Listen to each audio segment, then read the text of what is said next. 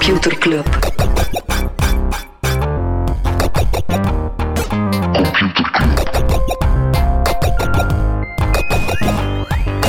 Computer Club. Hey Smolly, Hey Freddy, welkom, welkom terug. welkom. Welkom bij Computer Club, een wekelijkse podcast over technologie. Iedere aflevering selecteren Freddy en ik een interessant artikel en presenteren een feitje. Ik ging net zo zeggen, ik heb de indruk dat ik elke intro nerveuzer en nerveuzer word. Waarom? Maar dan heb hij zo met uw handen net zo elke aflevering of iedere aflevering had zo'n handbeweging gemaakt. Is dat echt? Ik vond het superkrachtig. Oké. Ja, kijk, ik ben, eh, ben volledig op mijn Helemaal zijn. Eh, even terugkomen op de aflevering van eh, vorige week. De Geit onder andere gepraat over zo'n beetje de Facebook-malaise. Ah ja, dat ze wel echt een beetje aan het zoeken zijn. Wat er zijn nu plannen uitgelekt van wat dat ze met de grote blauwe app gaan doen. De Facebook-app. Basically gaan ze terug wat dingen kopiëren. Ze willen eigenlijk TikTok achterna. Ergo een feed vol met dingen die je niet per se volgt. Mhm. Dus eigenlijk gewoon volledig algoritmisch aangedreven. En Messenger zou ook terug ingekanteld worden in de Facebook-app. Dus dat ze ooit dachten van ja, beide zijn sterk genoeg op, dingen? op, eh, of beide zijn sterker als ze op zichzelf staan, dan voelen ze wel. De, de Facebook-app is echt wel aan het spartelen naar het bestaansrecht. Ja. Eh, en in hetzelfde trant, wat is niet, het is niet helemaal teruggekomen vorige week, maar ehm, Snapchat, die zijn alweer aan het experimenteren met een subscription model, zwaar. Snapchat Plus. En dat gaat eh, ja, users eh, vroege toegang geven tot ja, nieuwe filters. En dan ga je ook je absolute nummer 1 BFF kunnen instellen. Eh, en dan nog om het, stukje, om het stukje terugkeren af te sluiten. ehm, ik had het alweer over eh, streaming van Formule 1 en dan bij uitbreiding Mhm. een beetje streaming van, van sport.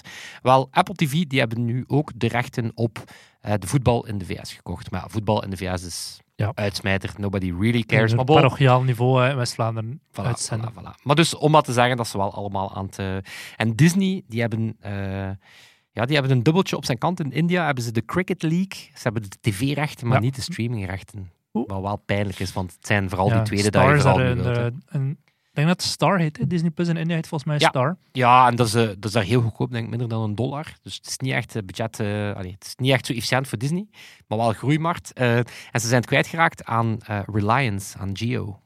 Dat is daar een hele grote, ik denk dat we het er al eens over gehad hebben, een hele grote partij. Beetje de Amazon van, eigenlijk een beetje de alles van India, denk ik. Alright, hè. we blijven bij Amazon. Want Amazon die zou concrete plannen hebben om naar België uit te breiden.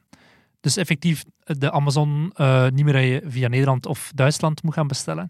En de domeinnaam daarvan, eh, Amazon.be, is al sinds de jaren 90 in handen van Baloise, die verzekeraar. Heel benieuwd welke twist dat ze daaraan gaan Ja. geven in de IP-discussie. Amazon.Vlaanderen. Eigenlijk over eh, Amazon en terugkomen gesproken, we hebben het, of ik heb het ook nog ergens eens gehad over Amazon en drone delivery, van Mhm. waar blijft het? Mhm. Wel, nu zouden ze effectief wel eh, in een Amerikaans dorpje echt officieel gaan uitrollen. Dus niet meer als we, als we testen, maar officieel. Eh, het enige nadeel is dat niemand uit de buurt wist dat dat ging gebeuren. Dus, eh, als ze misschien een briefje moeten rondsturen Ja. via de postbode. Ja, Ehm. Over delivery gesproken eh, en gaan niet uitbreiden in tegenstelling tot Amazon. Ehm ja, stijgt als een pudding in elkaar. De, het, zodat Gorillas model van, van mhm. binnen het kwartier. ehm, ja, basically binnen het kwartier je supermarktbestelling ontvangen. Eh, want Gorillas, die dan bij ons denk ik de grootste is op dat vlak. Ja, ehm, de grootste in de markt die nog nooit aan rond was die gekomen. nooit helemaal bestond, zo, zoals GoPuff en die andere. Mhm. Maar Gorillas die zijn nu aan het kijken of dat ze eh, zich kunnen verkopen aan iets. Oei. Dus ja, maar Sterk. dat model is gewoon nooit rendabel geweest. En het is gewoon duidelijk dat nu dat gratis geld op is, ja, dat dat model ook op is. En je kan echt wel de vraag stellen van, zit iemand te wachten op koeken binnen het kwartier? Goh. Nee, niemand. Eh, koeken als we binnen het over geld hebben, nice. Klarna, die waren ooit 45 miljard waard, zijn nu geld aan het ophalen tegen een waardering van 15 miljard. Dat is eh, 60% lager. Ja, ik denk dat ze ook wel echt gaan voelen nu dat Apple Pay Later in die markt gaat. Denk ik dat eh, voor de Affirms en de Klarna's zal het wel een pak moeilijker, eh, moeilijker gaan worden. Ehm, ook zo'n thema dat de ehm, ja, dat, dat niet, niet weg te denken is. Zo, ja, Elon Musk en free speech. Eh, ja, toch wel een interessante. Wat enerzijds is hij op bezoek geweest bij de Twitter-medewerkers. Het is te zeggen virtueel, hè, via een videocall. Heeft er eigenlijk niet echt zotte dingen gezegd. Toch alles is geen dingen die getuigen van grondig denkwerk. Een heel rare acte présence die ja, de medewerkers daar ook niet echt onder, eh, van onder de indruk waren. Of toch eh alles is niet gerustgesteld. Maar wel interessant, misschien die open brief van SpaceX gezien. Een aantal medewerkers die vooral duidelijkheid, een heel klein aantal medewerkers die een open brief hadden geschreven. Die zeggen van ja, weet je, Elon zijn gedrag en zijn tweets, dat leidt af, dat zorgt voor imagoschade. We moeten ons daarvan distancen. Ik denk dat dat wel een vrij pittige conclusie is. Maar wat ik minstens even pittig vind, is dat die medewerkers intussen ontslagen zijn. Ja. Dus dan zie je eh, dat free speech wel heel belangrijk is, zolang dat het niet tegen Elon, Elon Musk is. Ik heb een grote stap gedaan. Ik heb Elon Musk gemute op Twitter. Ik Vol- vind dat hij intens. volgde die? Ik volgde die niet. Ah ja. Ik volgde die niet. Dus ik kan gewoon moeten zijn, ik volg hem al niet. Ja. Maar ik wil hem ook gewoon niet in mijn tijdfeed. Maar dat is, like, dat is fucking de rijkste man ter wereld. CEO van twee bedrijven. En dan moet ik zeggen van, Elon, laat me een keer rust. Ja. Dat is toch... Het is lekker Roulard dan maar aan. Ja, oké. Ja. Heel vage referentie. En ook zo'n thema dit jaar, eh, unionization, oprichten van vakbonden. Wel, Apple heeft er ook zijn eerste. Ja, bij Ola. een eh, Apple Store in Maryland, dus heel klein, denk ik een honderdtal medewerkers, maar toch ja, toont dat ook Apple niet kan ontsnappen aan de vakbondbeweging in de VS. Voilà. Ik heb nog één iets. De 5G-licenties die werden geveild deze week. En zoals verwacht, ja, Proximus en, en Telenet van deze wereld hebben een stukje van Spectrum gekocht. Het was al voorspeld dat Citymesh uit West-Vlaanderen eh, ook ging meebieden. En nu blijkt dat ze dat gedaan hebben. Ze hebben een eh, licentie gekocht samen met Digi Communications, een Roemeense speler. Ja, dat is waarschijnlijk. Die Digi Communications heeft een paar weken geleden in Portugal al iets gelijkaardigs geflikt. Samen met partner een stuk van Spectrum gekocht. Dus nu hier, Citymesh, die krijgt, ze hebben een joint venture opgericht. Citymesh die heeft 51% van die joint venture in handen. En ze zeggen, wij mikken op die zakelijke markt. Die Digi, Digi Communications, die gaat eh, op de consumentenmarkt mikken. Dus binnenkort kun je naast Mobile Vikings of weet ik veel wat allemaal ook een abonnement bij eh, een Roemeense speler kopen die zegt, we gaan eh, zo... Nou, denk, allee, er is nog niet veel geweten, maar het zal wel op de lage prijzen proberen mikken. Kan wel wat veroorzaken hier in het landschap. Waar dat we, ja, waar dat we ook nog niet over hebben, denk ik, is de Mobile Vikings acquisitie door Proximus. Ja, ja. Hebben we daar, zijn we daar bij stilgestaan? Nee, Ja, inderdaad. Of Waarschijnlijk het toch vermeld. alles is bij het feit dat ze nu ook naar internet, Internet. thuis willen, Mhm. willen gaan zoeken. Maar zo letterlijk de Proximus Digibox, dat ze gewoon een andere sticker opplakken of zo. Maar ik vind dat wel nog interessant vanuit zo concurrentie. Ja, ook omdat Allee, zo de Proximus zelf zit Proximus. Scarlett. Scarlett is ook al zo'n prijsbreker. En dan Mobile Vikings mikt ook op prijs. Dus ze mikken wel op een ander publiek. En Mobile Vikings meer op de digital natives. Ja. Beetje eh, verwarrend van... Die, die zitten gewoon elkaar binnen het huis eh, te bekampen. Zeg ze maar niet. Zeg Freddy. Wat ik dan dacht is, wat als wij beide, in plek van zo dat non-nieuws dat we toch niet behandelen, wat als we dan bijvoorbeeld elk iets pakken dat we wel behandelen? Briljant idee. Gewoon wekelijks. Fantastisch. Misschien een kort intermezzo ertussen, kleine jingle erbij. Nee, maar wat zou je hebben bijvoorbeeld pakken dan? Goh, ik eh, zou het misschien hebben over de bitcoin. Bitcoin de, is de, de bitcoin. de bitcoin. Dat is zo'n nieuwe munt. Digitaal munt. Nee, eh, de Ik heb bitcoin... er veel in geïnvesteerd nu. Nee, ik al lang niet meer. 52% gezakt dit jaar al. En dat kan nog in een stroomversnelling komen. Ja, zeer technisch, maar verschillende grote spelers die werken met een hefboom. Dat betekent dat ze eigenlijk speculeren op het feit van het zal nog harder... Als als je met een hefboom zegt het gaat omhoog gaan, kun je een veelvoud terugverdienen. Eh, als, je, als het effectief omhoog gaat, je kan ook heel veel geld verliezen ehm, als het dan effectief omlaag gaat. Maar er zijn ook al redelijk wat mensen die speculeren van ah, die bitcoin is al nog meer omlaag gegaan. En eh waardoor het nog in de stroomversnelling gaan komen. Maar dat heeft op ons, ja, wij hebben een klein beetje crypto. Allee, ik weet niet of bij jou zit, maar dat is bij mij echt wel wat speelgeld. Maar er zijn in andere landen van de wereld mensen die daar zeer diep in zitten. eh, ook Bij vaak mij was, bij mij was het een speedboat of crypto. Ah, en? Ja, die speedboat ging ook maar voor te spelen zijn, dus Ja. honestly don't care. Voilà. Honestly don't care. Nee, maar in, in, in Latijns-Amerika is dat wel een, een drama, dat feit dat die crypto-markt zo hard aan het crashen is. Eh, er is een ranking geweest van ik zag, Chain ik zag inderdaad, Hm? als ik, daar, als ik daar mag op inpikken, ik zag een zeer goede quote. Want inderdaad, ja, het, is- het is, ja, de Web3-evangelisten zitten nu wel even in het oog van de storm. Het was iemand die wel doodleuk opmerkte van, kijk, als er één ding eh, wel gedecentraliseerd is, dan is het de mensen die pijn hebben van deze... Hè, want ja, de, de grote bros die er rijk van geworden zijn, zijn er nu weer wat armer van geworden, Mhm. maar ja, daar, op, die, op die trein zat niemand omhoog, maar heel veel mensen zitten wel op de, op de trein eh, omlaag. Hè, de, Ja. en er- onder andere inderdaad ja, mensen voor wie dat, dat wel een... Een Chain Analysis die heeft, die heeft zo'n ranking gemaakt van wat zijn de landen met de hoogste adoptiegraad voor cryptomunten. En in die top 15 staat onder andere Venezuela, Argentinië, Colombia en Brazilië. Dus in Latijns-Amerika zit er iets in het grondwater. Het bekendste voorbeeld, we hebben het er ooit al over gehad, is eh, Najib Bukele. Ik spreek zijn naam ongetwijfeld compleet verkeerd uit, maar President van El Salvador. De president van El Salvador, die als je zijn Twitter-profielfoto bekijkt, eh, de laser eyes heeft. Typisch voorbeeld voor mensen die ja, zichzelf crypto Ja, ik zouden in zijn, noemen. in zijn Twitter bio staat er ook always buy the dip. Ik ben zeer benieuwd of hij nu de dip gaat kopen. eh. Wel, daar ga ik nog op terugkomen. Maar eh, hij heeft, eh, wat dan noemenswaardig is, hij heeft ooit Bitcoin als officiële munteenheid geïnstalleerd. En hij heeft dit weekend getweet: Stop met naar de grafieken te kijken en geniet van het leven. Als je in Bitcoin investeert, is je investering veilig en zal de waarde immens groeien naar de berenmarkt. Zelfs nu, ik bedoel, de boel is keihard aan het crashen en zegt: Ja, stop met naar de grafieken te kijken en ga een beetje van het leven eh, Ik, genieten. zou- ik, las, ehm, ik had hem in het clubhuis gedeeld. Ik had onlangs een artikel gelezen over, eh, onder andere in El Salvador, zo die Volcano City. Weet je, zo het, het, Daar ga ik ze nog iets over. Bitcoin gedreven ding. En dat Ja. was dan een artikel van MIT Technology Review.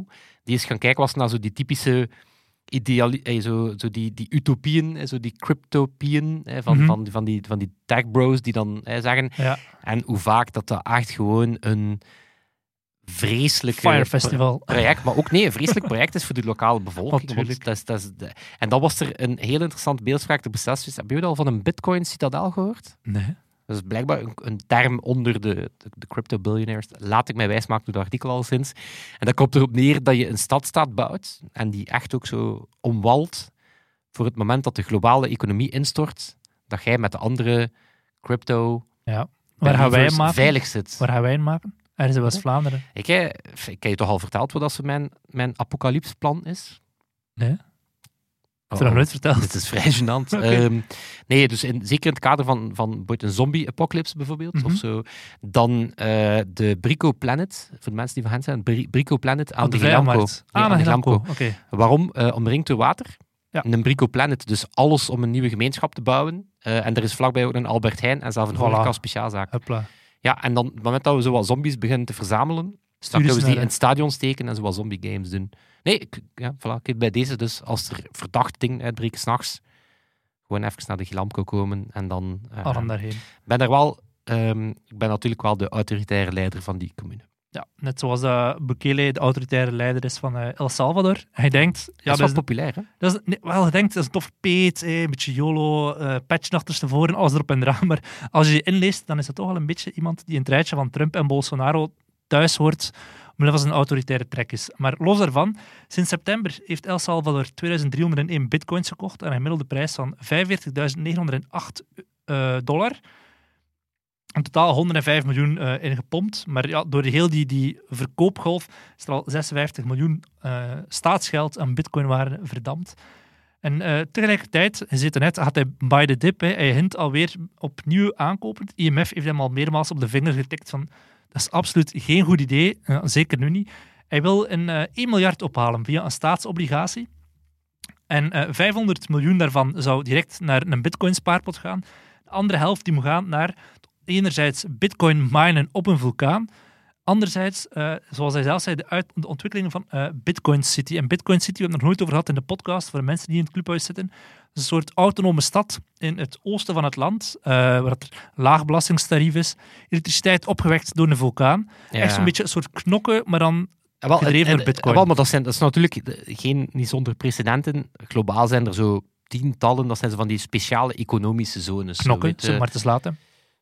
Ja, of als Maar je nog extremer Als je het natuurlijk. extreem Ja. zoekt, is het inderdaad zo typisch dan in de buurt van een luchthaven, waar dat ze zeggen, ehm, waar dat ze zeggen van Ja, oké, weet je, Cayman-eiland heb je zo ja, of, of, of inderdaad puur eh, stukken waar dat ze zeggen, in China, in China zijn er zo heel aantal waar dat ze zeggen van oké, we gaan daar, we gaan daar ja, geen importtaxen of exporttaxen. ehm. Heb je ooit het verhaal gehoord van de man die de duty-free zone ingevoerd heeft? Ik ben hier vrij off topic aan het gaan, duty free zone, hè? Ik heb ooit eens een podcast gehoord, dat is zo typisch. Ik heb ooit eens een podcast gehoord. Nee, was eigenlijk een, een, ehm, een luchthaven in Ierland. En dat lag echt in the middle of nowhere. Behalve dat dat de laatste stop was voordat je transatlantisch kon vliegen om bij te tanken. Dus Mhm. vroeger raakten vliegtuigen niet in één keer over de Atlantische Oceaan. Dus moesten ze allemaal tussenstoppen in eh, Ierland. Dus dat, er is er letterlijk een stadje ontstaan, from thin air, die ja, rond die luchthaven dan ja, een beetje mensen die daar werkten en zo. Totdat natuurlijk vliegtuigen ver genoeg konden, konden, gaan, ehm, konden gaan vliegen. Dan heeft er één dude, letterlijk de shopkeep van die luchthaven, gezegd, heeft dan met de Ierse overheid gezegd, gasten, we gaan hier iets moeten doen. Of... Mensen gaan er nooit meer komen. nooit meer komen. Dus duty-free shopping uitgevonden. Dus die gast heeft dat uitgevonden. Dat is dat zo populair geworden dat elke luchthaven dat komen afkijken is, waardoor dat ook dat model overal gekopieerd werd. Dus daar waren ze opnieuw een bestaansrecht kwijt, want ervoor stopten alle grote Mhm. luchtvaartmaatschappijen daar met hun tussenstops voor mensen Parfum wat parfum en alcohol te laten komen. En dan heeft diezelfde dude de eh, speciale economische zone uitgevonden. Heeft hij gezegd, oké, als het niet is voor passagiers eh, travel, dan gaan we zorgen dat we hier een hele hoop eh, fabrikanten enzovoort dingen gaan laten produceren. Maar gewoon om maar te zeggen wat een gigantische impact dat één man kan Ja. hebben. Een man Zo. met een plan. Een man, man met twee plannen mee Ik vind het wel cool, zo'n eigen land stichten. Eh, Ik heb zo'n documentaire ooit gezien, How to Start Your Own Country. Super tof. En Rob van Nauwhoven heeft ooit geprobeerd hier in België, Robland. Ja. Proberen oprichten. Dat is altijd zo'n droom. Onlangs gehoord waarop Vanuit nou tegenwoordig doet. Hij is Rob echt van zo'n een, een, een crowd-opwarmer bij tweederangs tv-programma's. Het was, het was best zielig. Als je ooit Mark best Uiterhoeven, die moet je googlen. Nu die heeft een zo'n heel lange toverbaard en een lange, lange. Oké, we zijn echt compleet ontspoord. Normaal houden hij mij terug op de rails. Ja, oké, maar El Salvador, die hebben ondertussen eh, een staatsobligatie. Hij wil dus een nieuwe ophalen van 1 miljard, maar ze hebben nog eentje lopen van 800 miljoen, die in januari afloopt. Ondertussen zitten ze bij de credit ratingbureaus, zoals de Standard en Poor's van deze wereld te kijken, met eh, hele grote ogen van dit gaat allemaal heel slecht lopen. Ondertussen heeft El Salvador een rating van CCC+, dat vergelijkbaar is met Congo of Oekraïne. Dus helemaal financieel niet zo stabiel. Wow. Waarom zitten ze in Latijns-Amerika zo zwaar in de crypto? Allee, dat lijkt zwaar, maar dan wordt er toch wel naar gekeken. Dat is uiteraard door de torenhoge inflatie. Hè. En dat is al van voor de, tweede, de eerste coronapiek. Dus, eh coronapiek. Crypto-piek. Damn it. En ja, we hebben nu eh, een piek meegemaakt. In 2017, 2018 was er ook zo'n piek. Eigenlijk daarvoor in Ecuador zitten ze bijvoorbeeld al in een, een actieve community die ontstond in 2014 toen dat de inflatie 40% was. Wij zitten nu te klagen over 8%, daar was het 40%. In Argentinië had je een inflatie van 61%. Heel veel mensen die dachten, ah, ik ga mijn eh, geld steken in een stabiele crypto-munt, zoals de Terra, en die nu eh, ja, nog veel meer kwijt zijn. Ja. Dus de Ik- vraag is dan, ja, wat, gaat, wat gaat onder onze vriend Bukele doen? Gaat hij buy the dip, of gaat hij toch een bepaald moment een tegenkanting beginnen krijgen van mensen die zeggen, dude, hey, wacht eens even. Zelfs al is de inflatie hier zo hoog, jouw plannen zijn nog extremer. Nog extreem, ja. Zeg, een, eh, een subjectieve vraag. Zo, het feit dat nu wel super makkelijk is, en het gebeurt dan ook heel vaak, om zo een beetje te lachen met, met de Web3 evangelisten en zo. Is die schadenfreude terecht of niet? Goh, Nu is het wel heel makkelijk, Hangt met de Mark. Andreessens van de wereld en zo een beetje te lachen. tuurlijk, maar nee, het is, het is zoals na de eerste crypto-hype, ga je nu... De, de, de bucht gaat er allemaal uit. Al die, die mensen die een NFT verkochten van, een, van iets wat dat gewoon letterlijk nul Niks dingen waard ja. dat gaat er allemaal uit en dat is goed. Dat is goed. Ik had, ik had vorige week een gesprek met Tim van Venley, oprichter van Venley, en die zei me van het is goed dat er eindelijk wat ruis nu weggegaan. Ik ben zelf, waren zij geen voorstander van heel die buzz en die hype er rond en zo, want je weet, er komen allemaal charlatans op af die de dingen bezoedelen. Dus ik ben eh, blij dat die lucht er wel uit geprikt is. Ja. Ik, ik las inderdaad een interessante parallel met zo de, de dotcom-bubbel Mhm. en, en, en wat erna is inderdaad zo, oké, moet je vooral niet gaan denken dat het internet niet, niks wordt. Ja. Nee, wel, toen, toen in 2001 zou je kunnen zeggen, haha, zie wel. Pets.com niet bestaan niet meer. Ja. Eh, ja, het is wel blijven gebeuren, het heeft gewoon wat langer geduurd Tuurlijk. en in een andere Mhm. vorm. En het zijn andere bedrijven geweest. Of, of, of mag wel schadefreude hebben met mensen die gewoon een JPEG verkochten als eh Ja. NFT en dachten Maar dat het, was. blijft, het is inderdaad wel zielig voor mensen die weinig toegang hadden tot het klassieke financiële systeem en die er dan wel... Ja. Of mensen die ja, door, door gebrek aan Door een financiële iets, eh, ja, er, er, er, er blind ingestapt zijn, is, is natuurlijk wel, wel zielig. Als het sowieso een beetje een soort spielerij on the side was, ja, dan is het niet fijn, maar ja, kan je dan overleef je het waarschijnlijk wel. Hè. Absoluut. Alright, Jingle Me Man. Computerklas. die podcast die weer op de rails krijgen, Smolly. Ehm, herinner me de, de vraag dat ik had van op welk besturingssysteem draaien robots eigenlijk? Ja. Nou, het antwoord was toen Robotic Operating Mhm. System, een collectie aan tools. Wel, nu heb ik een eh, even, wat vind ik toch, even interessante vraag gesteld. Op welk besturingssysteem draait Noord-Korea? Wow. Ja, Aha. is, is zelf gemaakt, Absoluut, Red Star OS. uiteraard. Red Star OS. Het is een eh, Linux-versie, bestaat al sinds eh, 1998. Daarvoor draaiden ze op Red Hat Linux en zelf op Windows XP. En het is wel leuk, want er zitten daar natuurlijk wat... Noord-Korea eh, is leuk. Ja, nee, absoluut. Ze hebben, eh, nee, zitten daar natuurlijk nog meer van die specifieke dingen in, zoals ja, de taal en de spelling, maar ook bijvoorbeeld een, een versie van Firefox, en die heet Nainara. En dat, dat, dat, heet, dat, dat, is, dat is eigenlijk de naam voor My Country. En dat is het eh, gelijknamige portaal van de overheid. En ik heb je die link gestuurd, moet je computer Ah, even open doen. Wacht, ga mijn gsm hier... eh, Ja. En eh, daarmee kan je op het lokale internet, Kwamjong, en dat is in tegenstelling tot Klinkt als West-Vlaams ons internet, is dat een walled garden. Dus dat is natuurlijk dat is gewoon een beperkte hoeveelheid pagina's. Maar ik heb je die-. Wat heb je die via, via Ja, chat gestuurd? Amai, dat ziet er prachtig uit. En wat moet hier nu doen? Moet hier iets zoeken? Gaat dat werken? Eh, wel, maar zie je boy die foto die er op de homepage staat? Eh, op de mobile versie zie ik... Uh, moet, je eens kijken, moet je eens kijken wat er op de, op de fysieke versie staat. Oh, Dit is de startpagina van het internet. Kim Jong-un, uiteraard. Ja, en Kim Jong-un, meer bepaald, he sends medicines to Hayu City. Ik zie hier ook En zo een wit, een wit jasje. stralende kindjes en iemand Ja, die de vlag groet. De en daar staat ooit ook een grote quote. Kim Jong-un's aforisme. Posters. What people Ah. say good is good. Heb geen idee wat dat betekent. Maar dus onder andere alsof ja, Pieter een, Lorry eh, dan zou zijn. een, eh, een browser voor het eh, lokale Ah, internet. Ehm, en dan ook ja, een, een e-mail, nieuws, filesharing, zelfs spelletjes. Ehm, interessant is ook dat er, want er is heel weinig geweten eigenlijk over die versies, of er lekken er eigenlijk amper uit. We zitten nu aan de vierde versie. Maar dat is een beetje geëvolueerd van een Windows look and feel naar iets dat op dit moment heel sterk op macOS lijkt. En dat zou komen omdat er uit 2013 een foto is uitgelekt van Kim Jong-un met een iMac op zijn bureau. Oeh. Ik weet niet wat dat goede of slechte reclame is voor Apple. Ik denk slecht. Maar dan kan je de vraag stellen, ja, behalve het feit dat ze waarschijnlijk alles zelf doen, maar van, die UX is slecht. ja, dat is interessant, hè? Maar van, vertrouwen ze onze besturingssystemen niet? Of besturen ze hun mensen? Of Ja, vertrouwen ze hun tuurlijk, mensen niet? En inderdaad, ehm, de versies die dat wel eens uitlekken, die worden natuurlijk ja, door security researchers goed bekeken. Ehm, wat zit daar onder andere in? Het is, het is goed hoor. Ehm, watermarking van bestanden, om te zien wie via USB-sticks westerse films verspreidt. Dus het moment dat je daar, want dat is natuurlijk, ja, dat, Ja, is, dat is hoe dat er heel veel propaganda in het land wordt ingevoerd. Wordt eigenlijk eh, USB-sticks worden daar eh, vanuit Zuid-Korea en zo eh, binnengesmokkeld, zodat mensen ja, kunnen zien wat er in westerse films gebeurt en zo. Dus ja, elk bestand dat je in die Red Star OS opent, dat krijgt de watermark mee, zodat ze kunnen zien wie de sloebers zijn die eh, westerse films kijken. Er bestaat ook een virusscanner en dan zou je denken, ah, dat is handig. Behalve dat het virus ehm, is eigenlijk dingen die de geheime dienst op de zwarte lijst zet. Zoals Ja. kritiek op de overheid.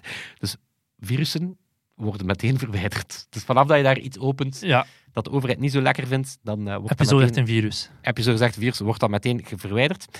Als je die monitoring wilt afzetten, dan krijg je een error message, crasht je computer en restart hij. dus ze doen wel alsof dat je het kan afzetten, maar eigenlijk ook niet. En dit is de beste, eh, er bestaat een admin-user, maar je kan daar als gebruiker niet aan.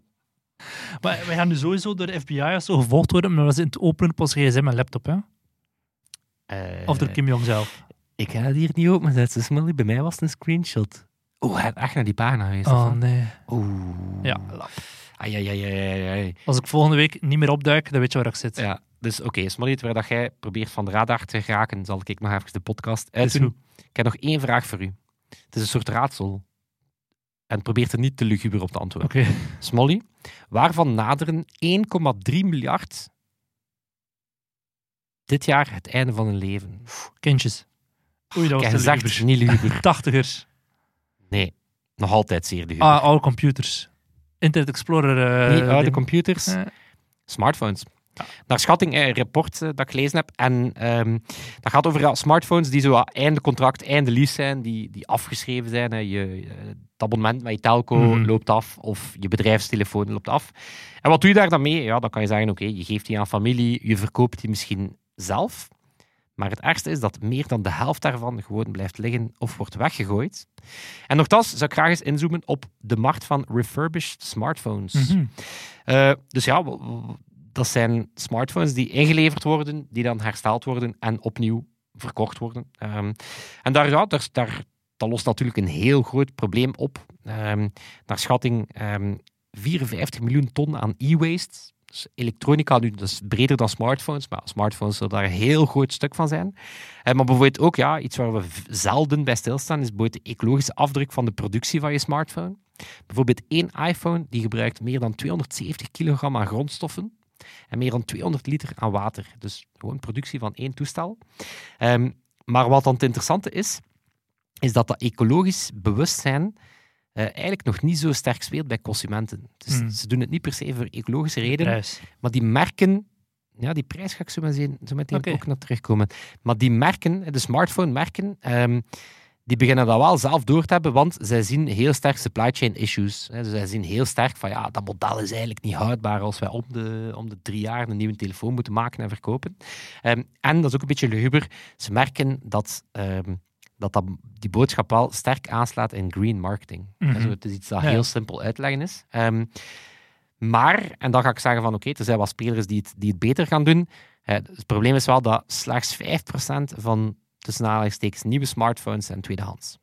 En bij auto's is dat ongeveer 50-50. Dus ja, een heel aantal spelers die, ehm, ja, die, gaan, eh, die, ja, die gaan die markt proberen professionaliseren. Want ja, wat, denk, wat is het grootste issue dat daar speelt, denk je? Er zijn twee grote issues. Ja, supply chain heb je toen net gezegd. Ja. Wat, wat, wat houdt er die markt van refurbished smartphones wat tegen, denk je? Dat je meer casht op een nieuwe telefoon. I don't know. Ah, kijk, die zal ik meteen ontkrachten. Of dat ze die markt niet zelf in handen hebben. Nee. Dus ehm, de, die markt, en die markt bestaat voor alle duidelijkheid voor 80% uit iPhones. De doorverkoopwaarde van die refurbished iPhones ligt hoger dan de gemiddelde nieuwprijs van een nieuwe Android. Net omdat je op een iPhone, hè, die Ja. zijn vaak ietsje meer premium. Dus zo'n herstelde iPhone, ehm, ja, die gaat dan, pas op, dat gaat van ehm, 140 euro voor een iPhone 7, die, hè, waar dat er wel wat wear and tear op zit, ja, tot eh, 1800 euro voor een quasi nieuwe iPhone 13 Pro Max. Mhm. Dus, eh, de prijs, dus voor prijs moet je het, moet je het eigenlijk niet, eh, niet gaan doen. Maar wat houdt er consumenten tegen om die stap te zetten, denk je? Alle nudes die op hun smartphone staan. Nee, ik weet het niet. Nee, de, het, vert- het vertrouwen. Ja, vertrouwen in dat Ja, model. Ja. Ehm, dus wat is wel interessant. Dus die markt is intussen hebben... eh, vorig jaar zijn er 300 miljoen smartphones refurbished verkocht. Dat is een stijging van 30%. Dat is een markt die eh, wellicht gaat, eh, gaat verdubbelen, eh verdriedubbelen op een, een jaar of drie tijd. Met dus, dank aan de inflatie. Voilà, voilà, voilà. Dus inderdaad, een beetje zoals dat automodel ehm gaan we dat ook gaan zien. Ehm, maar het interessante is dat een derde van die markt, dat zijn een handvol spelers. Dus een derde van die markt is dat aan het professionaliseren. En die doen dat natuurlijk voor een heel groot stuk ehm, ja, om vertrouwen te wekken. Hè. Dus dat zijn partijen die kwaliteitscontrole gaan doen. Hè. Bijvoorbeeld Swappy, dat is het Ja. sterkst groeiende Europese bedrijf. Ehm, die groeien 500% per jaar. Amai. Dus die hebben een proces waar dat ze 52 checks gaan doen op, op die iPhone. Ehm, en dan gaan ze ook nog eens een jaar garantie gaan eh, geven. Dus in de hoop dat ze daarmee het vertrouwen wel kunnen wekken. Want inderdaad, Is Swapje al actief in België? eh, nee. Ze zijn eh, heel sterk aan het uitbreiden. Eh, 15 landen, bij mij weten zit België daar nog niet bij. Eh, in Europa is vooral de UK, Frankrijk en Nederland die Mhm. al heel sterk op de refurbished trein zitten. Ik moet zeggen dat ik ook altijd wat aarzelend ben aan iemand om een refurbished telefoon aan te raden, omdat dat blijft zo'n beetje een...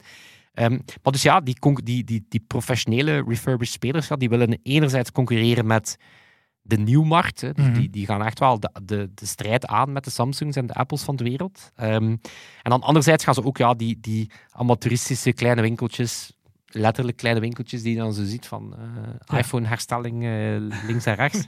dus daarmee gaan ze de, gaan ze de, de, concurrentie, eh, de concurrentie wel aan. Dus op dit moment vooral met iPhones, vooral met smartphones. Maar de verwachting is dat ze ook gaan uitbreiden naar laptops, tablets ehm, enzovoort. Boeiend, hè? Ja. En het andere probleem, om dan het, het stuk af te ronden, het andere probleem is net het feit dat er te veel van die telefoons blijven liggen. Dus er is meer vraag naar die refurbished iPhones dan dat er aanbod is. Bijvoorbeeld de helft van de refurbished phones in Europa die verkocht worden, moeten wij importeren van buiten Europa. Mhm. Dus ja, er zijn, het is een beetje een, een, een wisselwerking. Er blijven gewoon te veel devices die nog niet gerecycleerd worden of die nog niet... ehm, Wat zou mensen wel overtuigen om dat wel binnen te brengen? Dat is echt gewoon cash ervoor krijgen, toch? Allee, enerzijds korting krijgen op je nieuwe telefoon, maar gewoon cash. Ja, omdat het, het is wel interessant dat, het, ehm, dat die studie wel duidelijk toont dat het ehm, niet zozeer ecologisch bewustzijn van consumenten is. Want heel vaak heb je dat als een... ehm, maar wat speelt er inderdaad mee? De kostprijs van die telefoons, dat weegt wel op mensen hun portemonnee. Maar ook, en dat is een beetje zoals, zoals auto's, het is veel minder belangrijk dat je de laatste nieuwe hebt. Weet je, smartphones ooit ging dat zodanig snel dat het verschil tussen een iPhone 3 en 4, of 3GS en 4 was, was heel groot, of 4 en 4S was heel groot. Nu het verschil tussen een iPhone 12, 13. Maar breng jij jouw oude smartphones binnen als... Ehm, maar wij, wij hebben hier bij de Pocket krijgen we een telefoon. Allee, krijgen we een telefoon, leasen we die Mhm. tegenwoordig. Ehm, en dan op het einde moet je die wel... eh, moet je die wel en je moest, die, je moest die ervoor... Kon je die inleveren, je kon die wel zelf doorverkopen. Dat was de voorgaande regeling. Dat je, je kon die aan familie en vrienden doorverkopen aan een bepaalde restwaarde. Eh, maar nu gaat die denk ik terug naar de leasefirma, die daar inderdaad wellicht, ik mag het hopen, een, eh een refurbished toekomst voor eh, voorziet. Ja. ik weet ja. dat zo nog niet meer bij de mijne, wat ik daar zou doen. ook gewoon puur er zo'n stemmetje in mijn achterhoofd is die hij zijn niet al je software heb je eraf gehaald, er zijn nog dingen blijven plakken en I don't know, ik weet niet. Er is iets dat mij tegenhoudt op dat vlak. Even een half uurtje in de microgolf leggen en dat zou wel in orde zijn. Ja, voilà, stikt hem in water. Dus en dan in wat rijst. Hier. Voilà. Nee, maar Smolly, ik bedoel, je kunt die telefoon leegmaken. Ja, ja. Maar de Smolly blijft rondhangen. Dus dat. De Smolly blijft rondhangen. Weet je dat weet er ook altijd kijk, rond ons blijft hangen? nee, echt. Was het? Ja, ik ging hem doen. Damn, damn, maar ik kom te veel op je terrein. Kom te veel op je terrein. Was het exact een die ging? Ja. Dan weten we dat er ook rond ons blijft Ja, hangen. absoluut. Ja, Toon en Sebastiaan. Die zouden nooit in een microgolf steken. Absoluut niet. En moest het ooit per ongeluk gebeuren, Dan leggen ze rijst. dan leggen we ze... Ik weet ook niet, nee, dat zijn twee, twee problemen en oplossingen die door elkaar aan het halen zijn. Maar ik, Ja. ik zou ze sowieso beide in rijst leggen in een bedje. En, eh, lekker laten drogen. Dit, eh, onze podcast wordt slechter en slechter. Smolly, echt... eh, Weet je dat we ook in een bedje zouden leggen, Freddy? Dat zijn onze vrienden van de show. dat is waar. Voilà. Die, Je eh, kan vriend worden via... vrienden.computerclub.online. Dan krijg je stickers, dan krijg je een smartphone cover. Super nice. Dankzij Bam. Case Company mag je naar, voor een smartphone naar keuze. Refurbished iPhone of niet? Of, of Android mag je een, een van onze designs kiezen. Dan krijg je een smartphone cover. Eh, maar dan krijg je ook toegang tot ons clubhuis. Dan krijg je korting bij onze en andere webshops. Het is echt het is een, eh, het is een super... eh, het is het model van de toekomst. Voilà. Vrienden.computerclub.online. En dat zal het zijn. Tot volgende week. Yo. Yo. Computerclub.